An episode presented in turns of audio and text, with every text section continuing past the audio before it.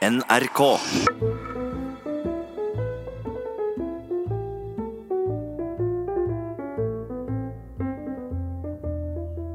Fire kilometer nord for Bykle i Setesdal finner vi en liten hytte godt gjemt inn i skogen. Her bor 49 år gamle Carl Mikkel Satansen, eller Dåse-Mikkel som han kalles på folkemunne. Carl Mikkel Satansen er ikke lenger velkommen i Bykle. Jeg tykker nå det er sånn her han er litt overdrevet, at jeg skal ha vært tvungen at bo her i dette lille buret her, aldeles alene, bare fordi at jeg er så glad i dåse. Ja ja, sånn er nå det. Ja, du får bli med innafor hvis du vil det. Dåse-Mikkel er bortvist på livstid fra Bykle til denne lille hytta i skogen. Det har lensmannen bestemt i samråd med kommunestyret og helse- og sosialsjefen. Det hele begynte ganske uskyldig for åtte år siden, da jeg fremdeles var kulturarbeider i Bykle. Da en dag fikk jeg et godt øye til hun som satt i resepsjonen. Ja, så jeg våga meg nå til å spørre henne om jeg kunne få spille litt så her på dåsen hennes, og det takka hun ja til. Og det ble en suksess, det, om eg lyt seie det så. For beste det som var, så knakka det på døra mi igjen.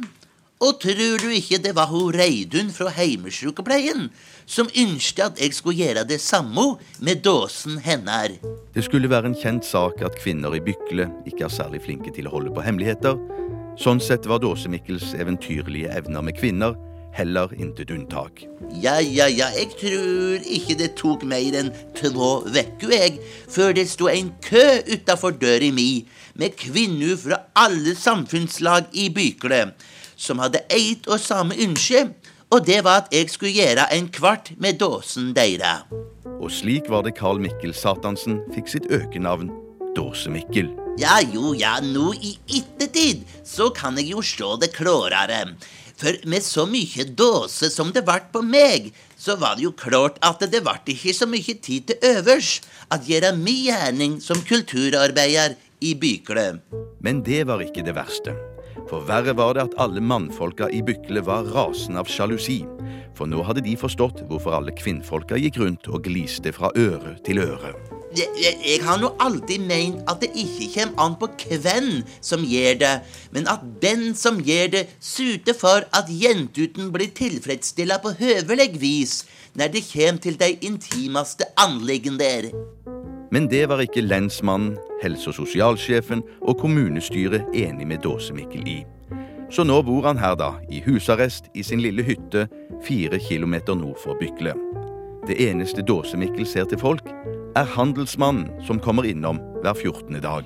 Ja ja, se her, Dåse Mikkel. Her kommer jeg med maten deres.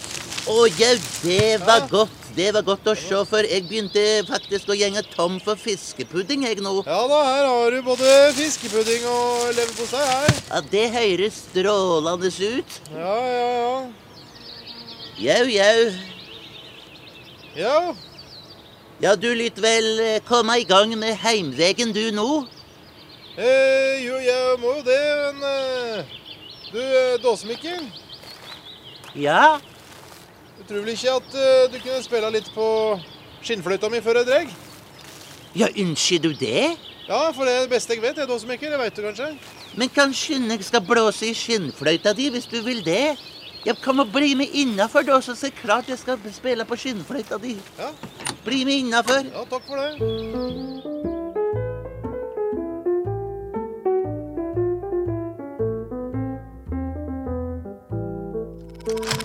Radioresepsjonen.